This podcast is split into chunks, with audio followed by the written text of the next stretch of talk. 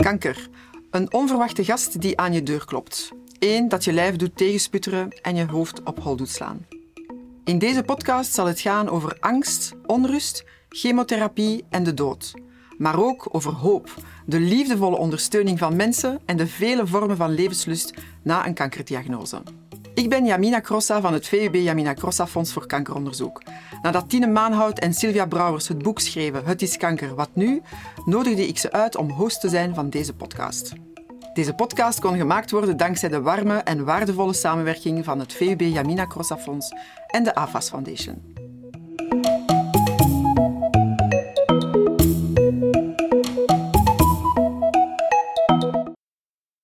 Oh, Carina, wat een warme vrouw. Ja, en uh, zoals de meeste verpleegsters op de onco-afdeling, inderdaad warm en open en heel ondersteunend. Ja.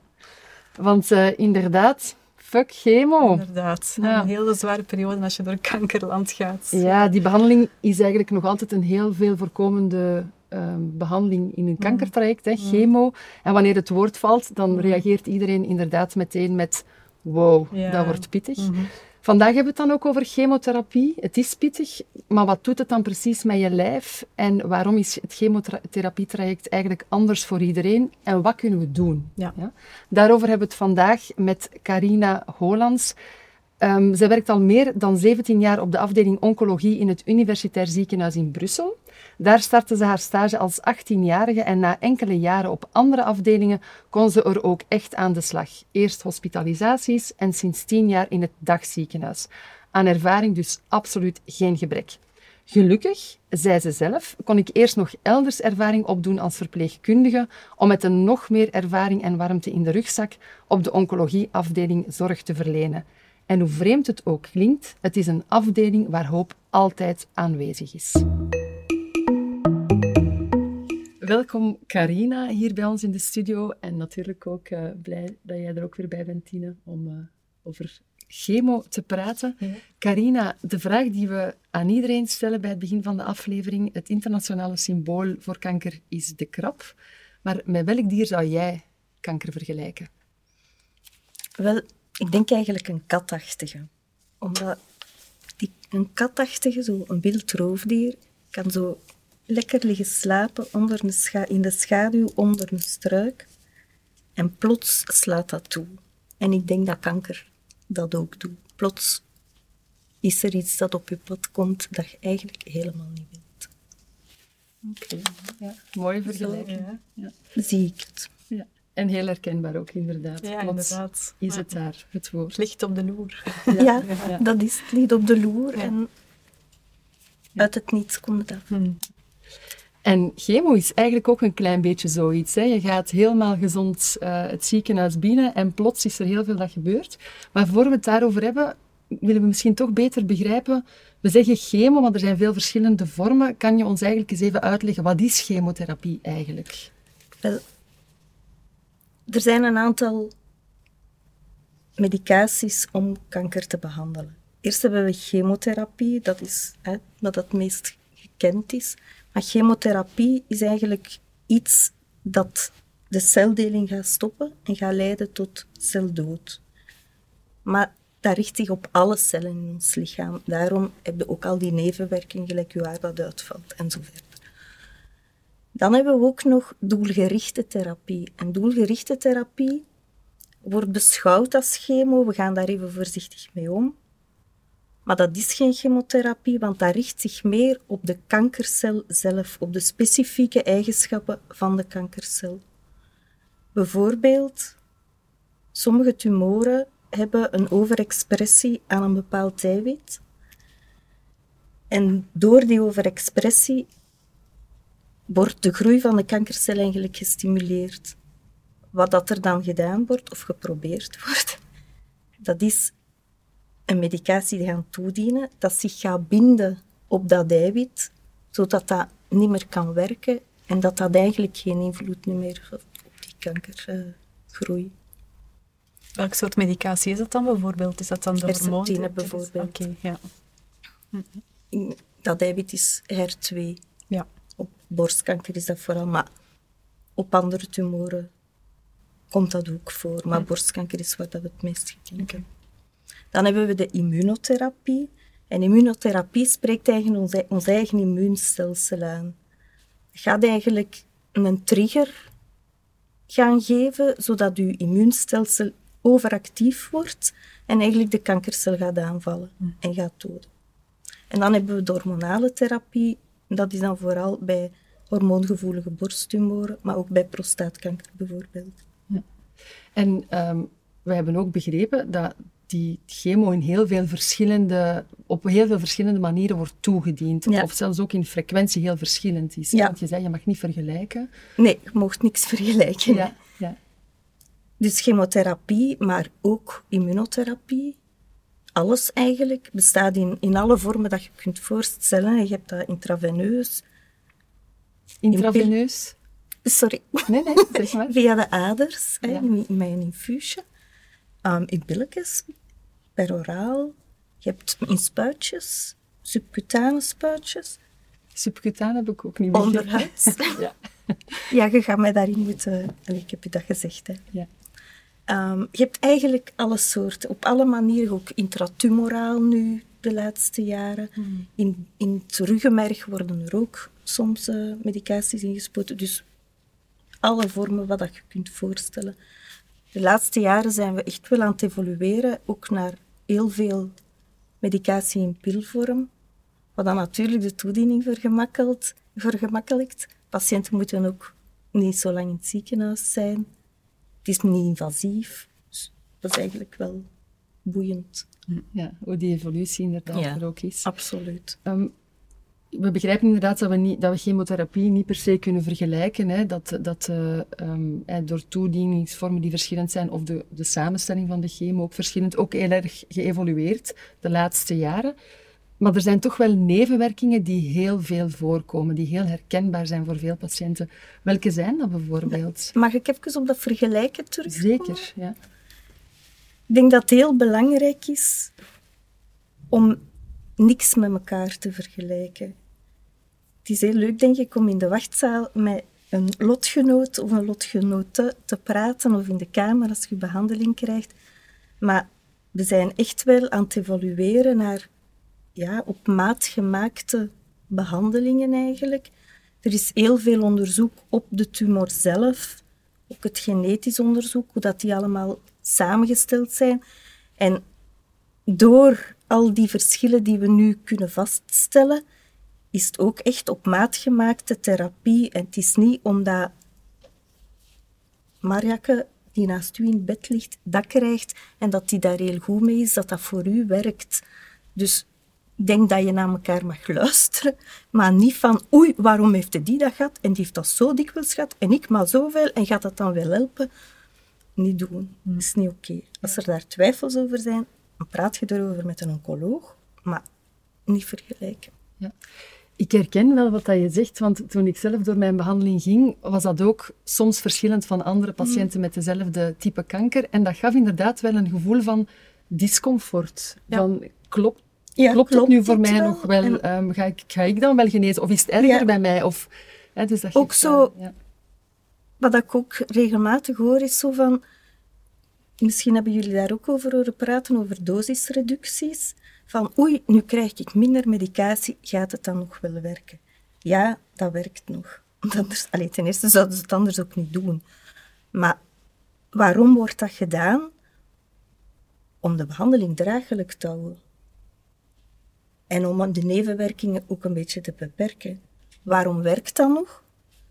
Er wordt eigenlijk gestart van een vastgestelde dosis die ja, in de studies, in de wetenschap zo beschreven is. Door, aan de hand van studies zijn ze gekomen van, kijk, deze is de ideale startdosis en daar beginnen we mee.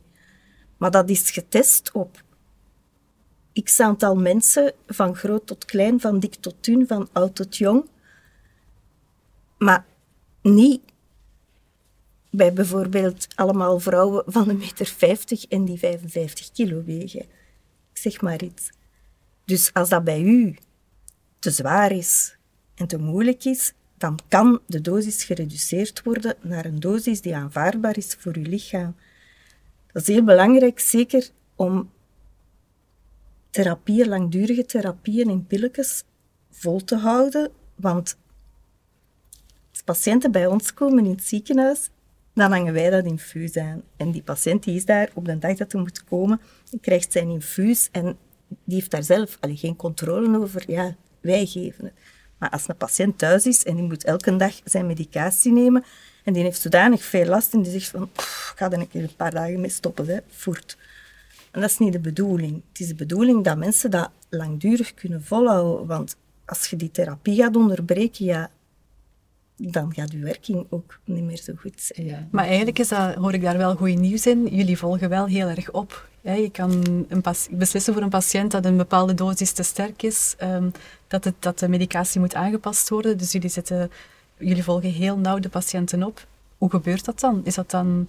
Ik denk vooral ook dat het heel belangrijk is. Dat is ook altijd iets wat ik probeer mee te geven aan de mensen. Van, schrijf alles op wat dat je voelt. Als je bij de dokter komt, neem je boekje mee. En ja, ik ben misselijk geweest en zoveel dagen na mijn behandeling, zo dikwijls. Ik heb dat genomen en dat hielp niet. En... Maar als je dat niet opschrijft, dan denk ik dat je het vergeet. Want hè, je zit al een uur in de wachtzaal te wachten en een beetje nerveus voor de volgende behandelingen. Gaat wel goed zijn en ga ik ze wel mogen krijgen? Neem je boekje erbij en dan kunt je het allemaal ook vertellen. En er is zoveel mogelijk. We hebben zoveel middelen om die nevenwerkingen te gaan inperken. Maar als het niet gezegd wordt en als de dokters het niet weten, ja, dan kunnen ze er ook niks mee doen. Ja, ja en soms is het ook omdat je ehm, niet beseft dat dat misschien een belangrijke mhm. nevenwerking mhm. is, dat je denkt dat is niet zo belangrijk. En soms is het ook, ja, ik wil ze daar niet mee lastigvallen. Ja, en ik denk sommige mensen met, die hebben dan al gehoord van die dosisreductie en die zeggen, oh, ik ga dat toch niet zeggen, hè, want anders hè, dan krijg ik het misschien niet. Of dan gaat het dan nog wel werken. Of... Ja, ook mensen die koorts gehad hebben in de voorbije week, dikwijls zeggen ze het niet. Maar dan is het van, ja, dan zitten ze daar te hoesten en te proesten. En dan zeggen ze, ja, maar ja, heb de koorts gehad? Of, of ja, nee, ja, misschien. Maar het is wel belangrijk dat dat geweten wordt. En het is niet omdat je een keer een uitstel hebt, om een of andere reden, dat die therapie niet gaat werken. Ja. Je lichaam moet het ook allemaal nog kunnen volhouden. Dus het is echt heel belangrijk, zeg je, van dat goed te noteren, ja, alle nevenwerkingen mee te, geven, zodat de dokters effectief en, de, en de zorg echt effectief de juiste dingen kan doen eh, voor jou als patiënt. Hè. Want het is effectief wel heel pittig, hè, die chemotherapie. We hebben het zelf aan de lijve mogen ondervinden. Absoluut. Ehm, jullie zien toch ook heel veel uh, patiënten met nevenwerkingen? Ja. Welke zijn dat dan inderdaad? Ik denk het eerste waar we altijd aan denken is die misselijkheid. Maar daar is ook een heel scala aan medicaties. Dus zegt dat gewoon van, kijk, deze werkt voor mij niet voldoende, of dat heb ik eens gehad en dat heeft goed gewerkt. En dan, allee, er zijn verschillende medicaties, dus er is wat variatie mogelijk. En dan nog een heel belangrijke is, wat ik eigenlijk bij heel veel mensen hoor, en wat dat ook nog heel lang kan blijven duren, dat is de vermoeidheid. En ik denk dat dat ook voor heel veel mensen moeilijk is om dat accepteren dat je zo moe bent, want je denkt van, oh, het is morgens, ik sta op en oh, het is goed weer en ik heb een goede dag en ik ga dat en dat en dat doen en de dag is een uur ver en je kunt niet meer. Hmm. Maar het heeft ook weinig zin om, ja, om te willen blijven vechten. Allee, je lichaam moet al die medicatie al verwerken. De ziekte is daar uiteindelijk ook nog. Om dan u te gaan verzetten daartegen, dat heeft eigenlijk weinig zin. Dan haarverlies, denk ik ook dat heel confronterend is. Want zolang dat uw haar allemaal nog op uw hoofd staat, ziet niemand het. Maar dan plots, ja, moet je een pruik dragen of heb je een sjaaltje of een muts. En dan is iedereen die weet van, oei, daar is het serieus aan. Ik denk ook dat dat heel confronterend is als je in de spiegel kijkt. En, allee, je verliest een stuk van jezelf letterlijk. Hè. Ja, en haarverlies, en dat, weten niet veel mensen, maar haarverlies dat is overal, op je lichaam. Hè. Dus als je hè, uit de douche komt en je kijkt in de spiegel, ja. het is overal weg. Is overal en daar ben je niet altijd op voorbereid. Plus ja, dan de lastige daar denk ik aan hebt, ook van de wimpers die er niet meer zijn, of de wenkbrauwen die er niet meer zijn, en de last aan je ogen. is inderdaad iets wat je niet realiseert dat dat gaat gebeuren. Ja. Ja, iets waar uh, Tine en ik ook heel veel last van hebben gehad. En anderen, de smaakverlies. Die Ja. vieze smaak heel de tijd in onze mond. Ik denk dat daar de kunst is om te gaan zoeken naar iets wat dat je toch nog lekker vindt. En dat kan bij de ene iets zijn met heel veel zout of met heel veel paprika, of de ander net niet gekruid. Maar ik denk dat dan een zoektocht moet zijn om te zoeken van wat vind ik eigenlijk nog lekker. Want het is wel belangrijk om te blijven eten. Mensen hebben dikwijls ook de reactie van oei, ik heb kanker, nu moet ik supergezond gaan zijn. En dan ja, bijna een dieet gaan volgen op het moment dat ze mijn chemotherapie starten. Maar dat is het slechtste idee wat je kunt hebben. Ik zeg niet dat je elke dag fritten en hamburgers moet eten. Maar gezond en gevarieerd, maar ook nog wel genoeg calorieën. Het is echt niet de bedoeling om tijdens een chemotherapie gewicht te gaan verliezen. Want ja, je lichaam heeft wel energie nodig om alles te verwerken. Een beetje experimenteren in de keuken. Ja. Ja. Smaken en... eh, Ja. ja. En als je het zelf niet kunt klaarmaken, dat hoor ik dikwijls ook van mensen die zeggen zo van, god, dat koken en die geuren allemaal en dat komt op mij af en ik kan dat niet. Ja, dan is het misschien leuk om iemand in uw omgeving is voor u te laten koken. En ik denk dat mensen dat ook wel leuk vinden om iets voor u te kunnen doen op dat moment. De, die tip hebben we in een vorige aflevering meegekregen. Breng gewoon inderdaad die pot spaghetti naar de patiënt en Ja. zijn familie. Met extra veel kruiden. Ja, inderdaad. Ja. eh, zodat je niet zelf moet koken. Ja. Dus eh, ik denk dat het nog maar eens aantoont Allee, dat het ik denk belangrijk is. dat niet zelf moeten koken is voor alles dan goed. Hè. Zeker. Als je moe bent, heb je er misschien minder puffen. Of je hebt twee dagen in het ziekenhuis gezeten. Pff, daar ook geen tijd voor gehad. Nee. Of de energie die je dan hebt, vind je, wilt je iets leuk doen of met je kinderen iets doen. En dan hoef je niet te koken. En dat is ook wel... Wat dat ik daar wel mee had, als we nu over spaghetti spreken. ehm, mijn man maakte eh, vaak spaghetti als ik van de chemotherapie terugkwam. En dat smaakte dan de dag zelf. Maar na een maand kon ik dat niet meer binnenkrijgen. Ja. Dat was echt een natuurlijke reactie. Van, ik, kan, ik kon dat zelfs niet ruiken. Dus, en dat heeft heel lang geduurd. Hoe komt dat? Goh, de chemotherapie, de toxiciteit bouwt zich eigenlijk op in je lichaam. Hè. Ja. de eerste keren gaat dat waarschijnlijk goed gaan. Maar doordat je meer en meer ja, giftige stoffen in je lichaam krijgt, die toxiciteit bouwt zich op en dan worden de nevenwerkingen ook groter. Ja. Ja. Carina, ik mocht eigenlijk zelf niet in de buurt komen tijdens mijn behandeling van mensen die ziek waren. Waarom is dat eigenlijk? Wel, het is zo door de behandeling, door de chemotherapie, dat heeft ook invloed op uw bloedwaarde.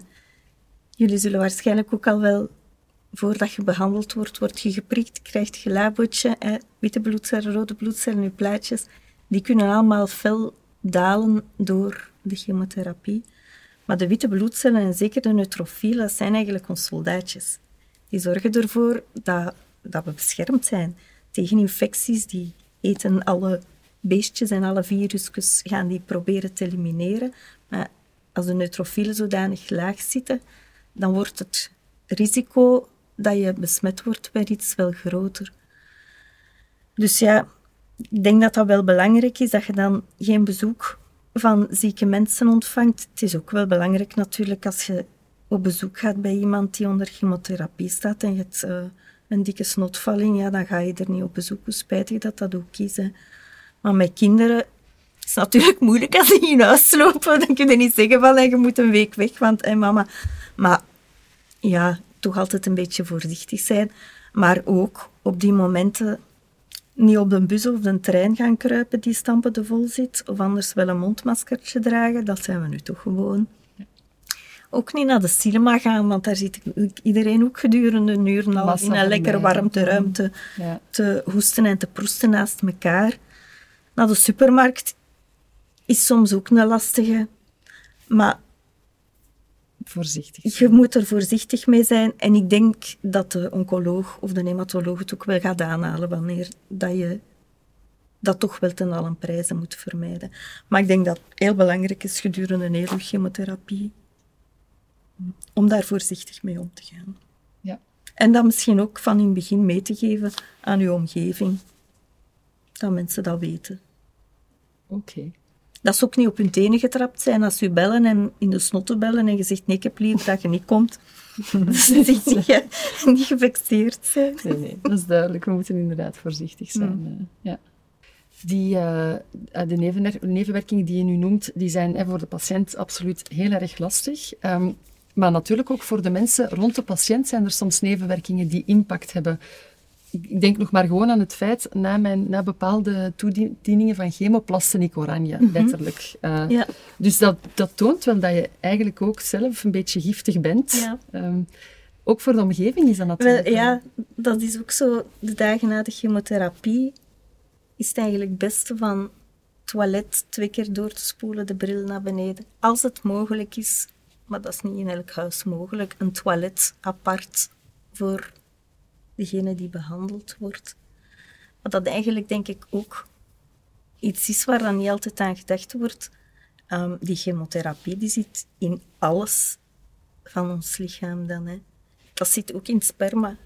Dat zit ook in vaginaal vocht. Ja. Dus het is wel belangrijk, de eerste dagen na de chemotherapie, dat er daar bij seksueel contact ook wel op gelet wordt van dan een condoom te gebruiken. Omdat dat ook ja, daarin zit. Ja, ja. En dat is niet oké Ja. voor de partner. Ja, dus in, ah, ja, inderdaad ook voor de kinderen dan rondom. eh, daar Ja. rekening, rekening Ja, ik kan, ik te kan dat ook wel zien in het ziekenhuis zelf, dat dat echt giftig is. Want je krijgt chemotherapie vaak toegediend, dat de verpleegsters handschoenen Ja, aan hebben, ja. dat de zakken in, eh, Ja. die leeg zijn, Ja, dat dat, die in speciale Ja. vuilbakken terechtkomen. Daar staan soms symbolen op. Zwaar, zwaar chemisch afval. Ja. Ja, dat, wordt allemaal wel, eh, apart Ja. afgevoerd. Hè. is En inderdaad, we gaan nooit Ja. chemo aanhangen zonder handschoenen. ja. Nee.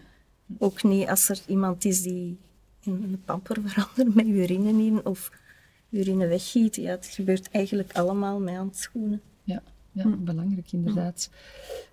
De, dat zijn nevenwerkingen die rechtstreeks of op dat moment met de chemo te maken hebben. Maar chemotherapie heeft natuurlijk ook mogelijk op ehm, enfin, vooraf eh, nood eh, om daarover na te denken, hè, rond kinderwens. Of daarna nog lang eh, nevenwerkingen. Kan je ons daar even in meenemen? Wel, ja, de kinderwens is denk ik een hele belangrijke. En ik weet niet of dat altijd op het moment dat je diagnose krijgt, dat je hoofd er dan naar staat om daaraan te denken. Ik denk bij heel jonge mensen is dat iets anders. Als er nog geen kinderen zijn, dan denk je van, ah ja, tuurlijk wil ik nog kinderen. En dan. Maar kan mij voorstellen, als je er al één of twee hebt, dat je dan zegt van, nee, ik moet er geen meer hebben. Of het is, het is goed geweest.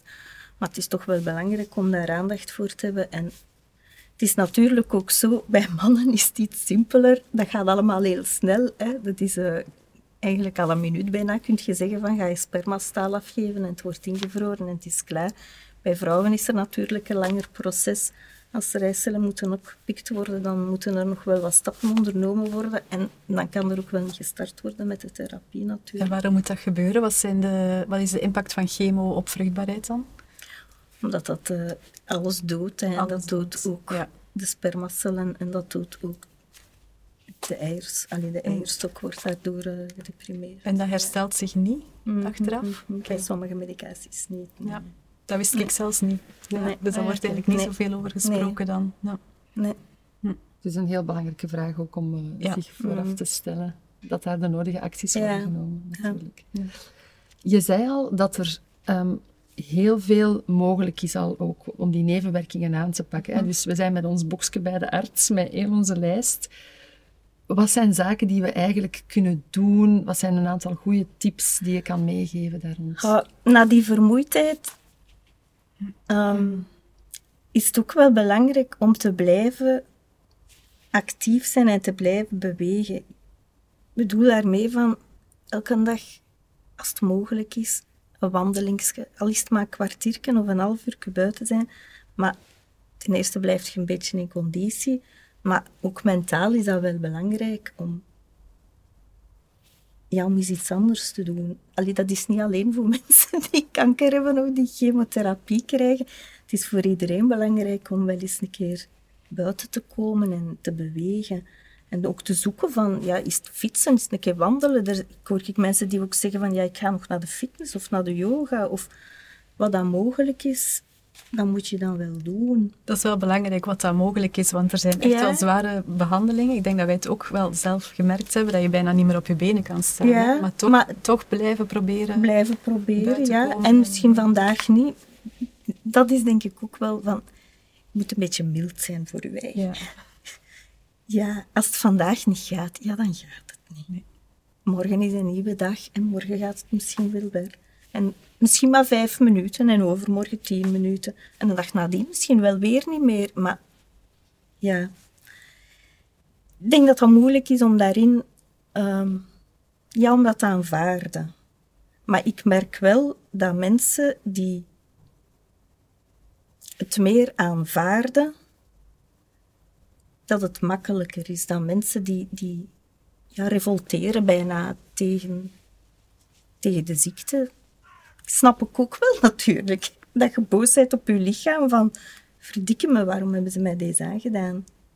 Maar het heeft ook niet zoveel zin om je energie daaraan te verspillen. Ja.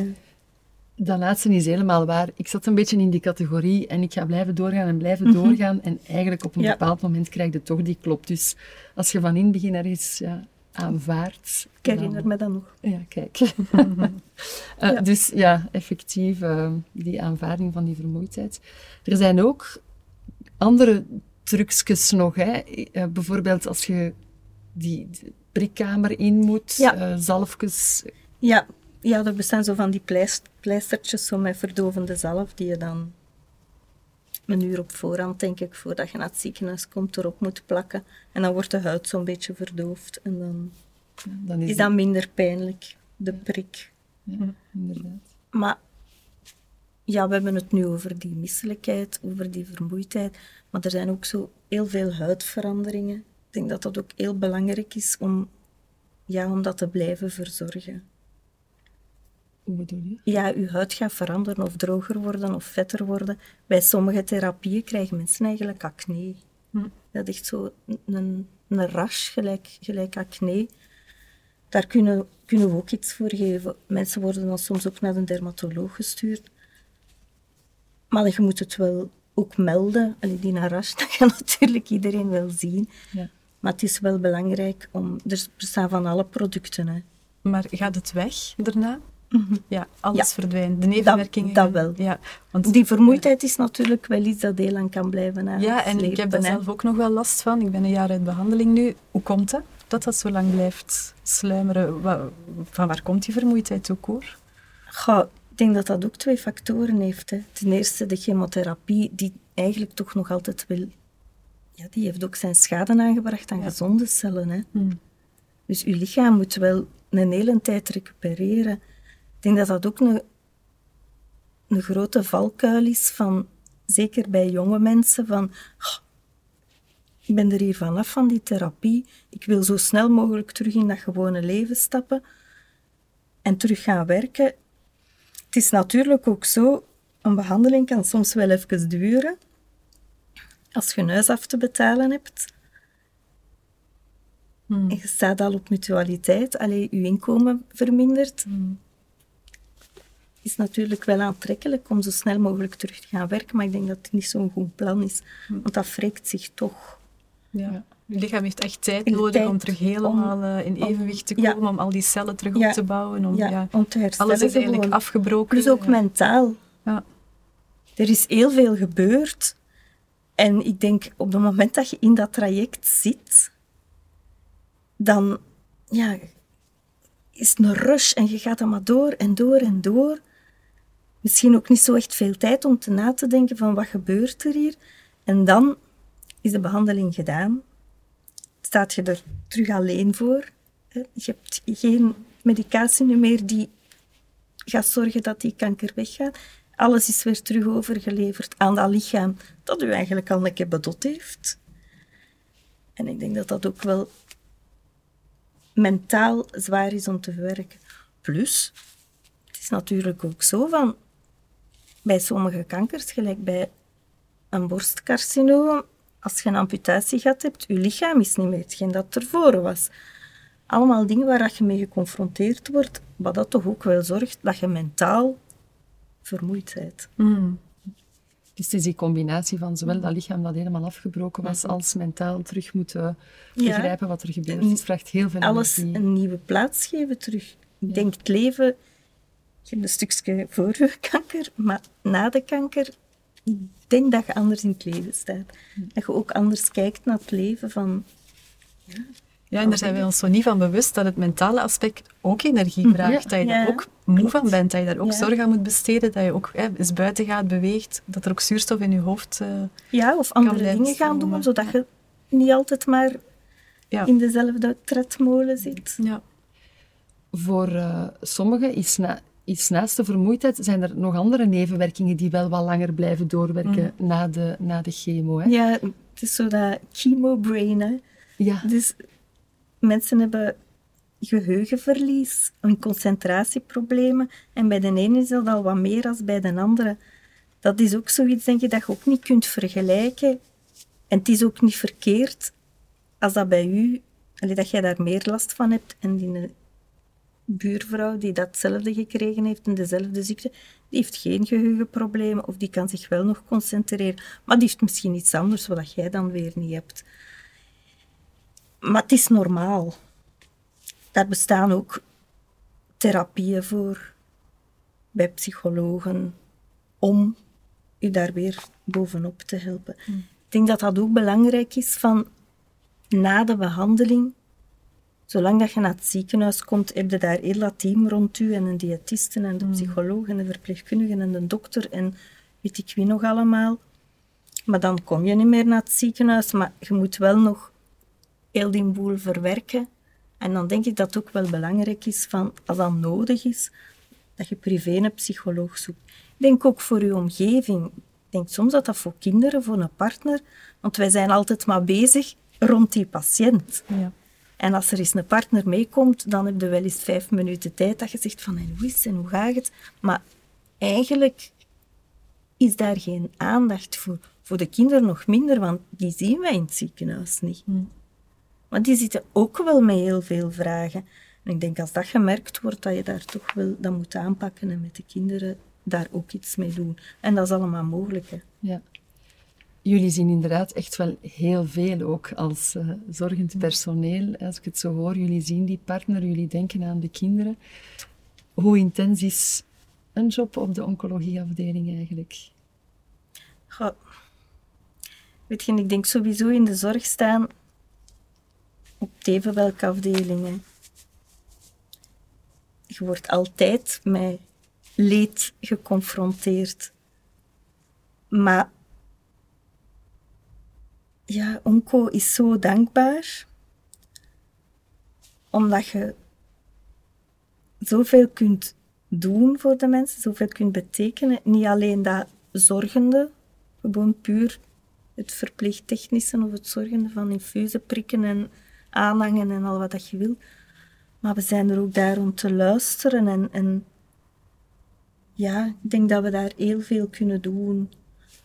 Met dat luisteren denk ik ook van, soms zijn de mensen gegeneerd zo van, hè, ze komen dan bij ons en dan beginnen ze te wenen, want ja, het is u te veel, wat dat absoluut begrijpelijk is.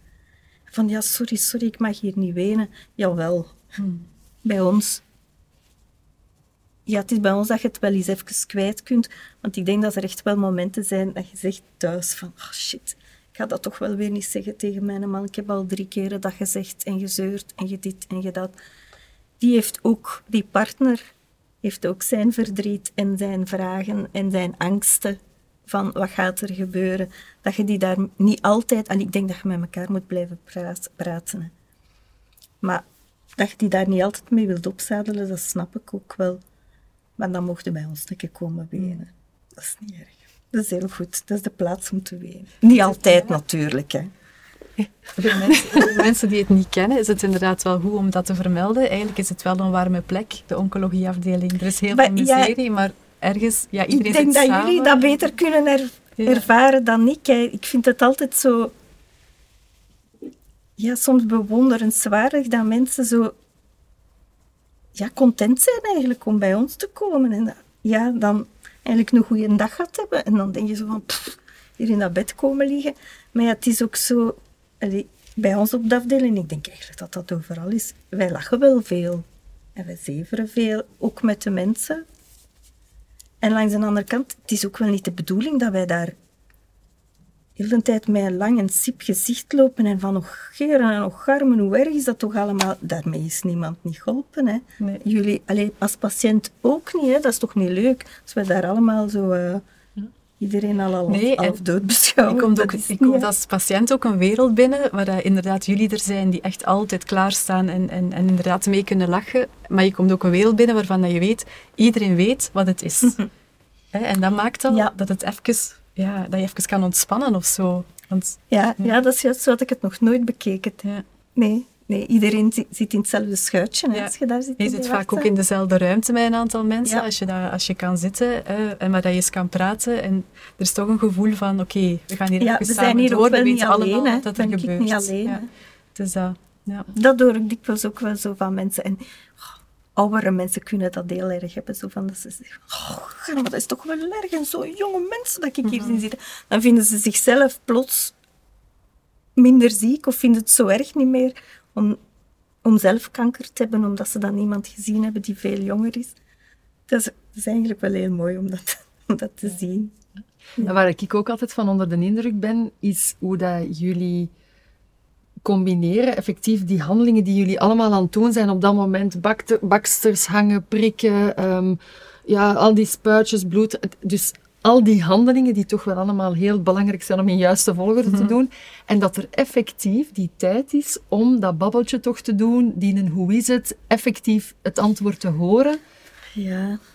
Hoe- Hoe, wo- word je, hoe word je daarin getraind? Hoe, Nee. Ik denk dat dat ook in ons zit, hè. Allee, anders zijn er denk ik geen, geen verpleegkundige. Dat zit ook gewoon in u om, om dat te vragen aan patiënten. En ja, we hebben dat zorgende.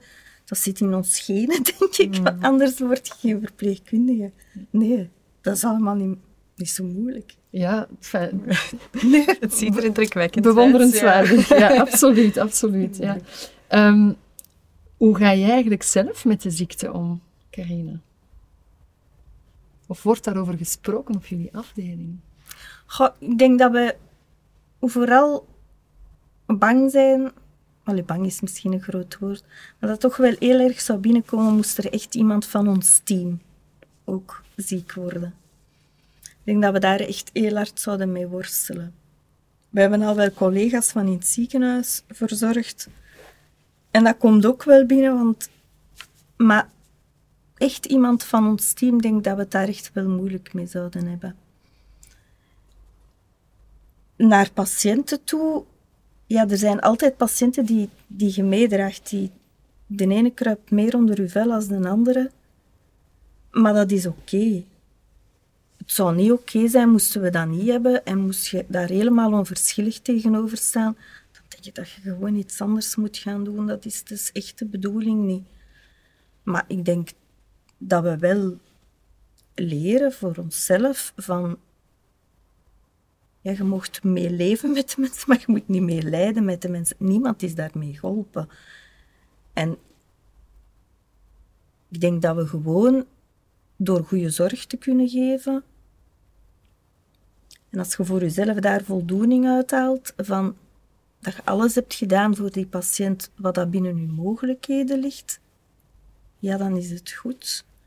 En ja, we zijn God de Vader niet. hè. Als niet werkt en als het niet gelukt, ja, dat is heel jammer. Maar het is niet dat we het niet geprobeerd hebben dan, of dat we niet goed gezorgd hebben voor. Ja. ja.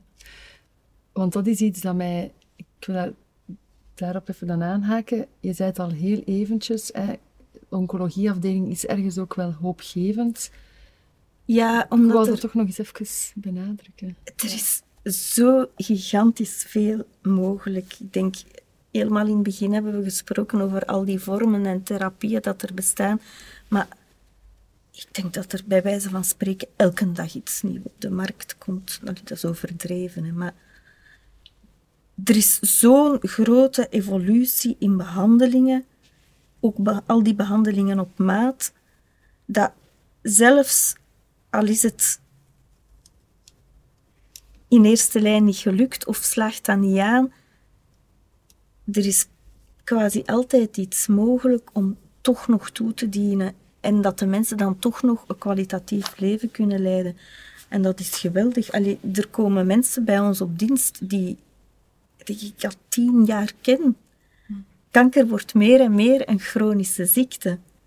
Vroeger, ja, in het begin dat ik werkte en nog studeerde, dan was het inderdaad, je had een borstkanker en daar wordt dat, dat, dat, dat voor gegeven. En die behandeling was gestopt of liep ten einde en dat was het dan ook. Maar dat is gewoon niet meer. Er is zoveel mogelijk en dat, is, dat, dat maakt het voor mij ook zo tof om onco te doen, omdat er zo'n grote evolutie is en je, dat wordt nooit saai doordat je altijd maar andere dingen hebt. Ja. ja. En daarom dat het ook zo belangrijk is dat je als patiënt ook elke keer goed meegeeft waar dat je mee worstelt, waar de mhm. problemen zijn. Dat geeft jullie ook de kans om effectief ja. die juiste zaken uh, aan te halen of, of toe te dienen natuurlijk. Ja. Maar ik hoor u wel zeggen dat er mensen tien jaar lang bij jullie op de afdeling komen, dus die krijgen tien jaar lang chemotherapie. Of ja, of ondersteunende medicatie, of doelgerichte therapie, of immunotherapie. Het is vooral immunotherapie die zo heel lang toegediend wordt. Hè. Mhm. Ja, dat zijn mensen die je zo jaren dag kent. Dat is ook leuk. Mhm. Je mensen zo lang ziet. Die komen bij ons een beetje thuis. Hè. Ja. Dat is zo. Mm. Dat is zo. Ja. Hele warme plek, inderdaad. En Carina, om eh, af te sluiten met een, met een vraag die we ook aan iedereen stellen. Het is kanker, wat nu? Wat zou jij aan iemand meegeven die de diagnose kanker krijgt? Het is kanker, wat nu? Dat dat het einde niet hoeft te zijn, hè? Punt. Ja, er is zoveel mogelijk. Allee, ik heb het net gezegd, er is zoveel mogelijk, er is zoveel te doen. Dus zeker niet... Geen doodvonnis, ik ga het zo zeggen. Ja. Absoluut niet. Oké. Nee. Ja. Dankjewel voor deze toch wel uh, nog ontzettend hoopgevende woorden ook op het einde. Uh, maar ook ontzettend bedankt voor het heel um, ja, duidelijke, ook heel warme gesprek. Uh, dus dankjewel Carina. is graag gedaan. En dank je Tine ook weer. Dankjewel. De titel van de aflevering was alleszins wel goed gekozen. Fuck chemo. zeker. Ja. Maar Carina heeft ons ook wel laten zien dat er heel veel mogelijk is. Hè? Als we goed delen. Eh, ondertussen staat de wetenschap Er is hoop. Ja, Zeker. Ja. Ja, um, naast Carina willen we natuurlijk in het bijzonder ook AFAS Foundation en het VUB Amina Crossa Fonds bedanken, zonder wie deze podcast natuurlijk niet mogelijk was geweest. Kanker bespreekbaar maken is heel belangrijk, maar minstens even belangrijk is verder onderzoek. Dus we nodigen jullie uit om te ontdekken wat het fonds precies doet en hoe je kan bijdragen aan het straffenwerk van het team van professor Dr. Damia Lawi. Daarvoor kan je naar onze website hetiskanker.be. Daar zijn alle afleveringen en de socials. Ja, en daar staat ook een knop waar je op kan drukken en je kan doneren aan het fonds.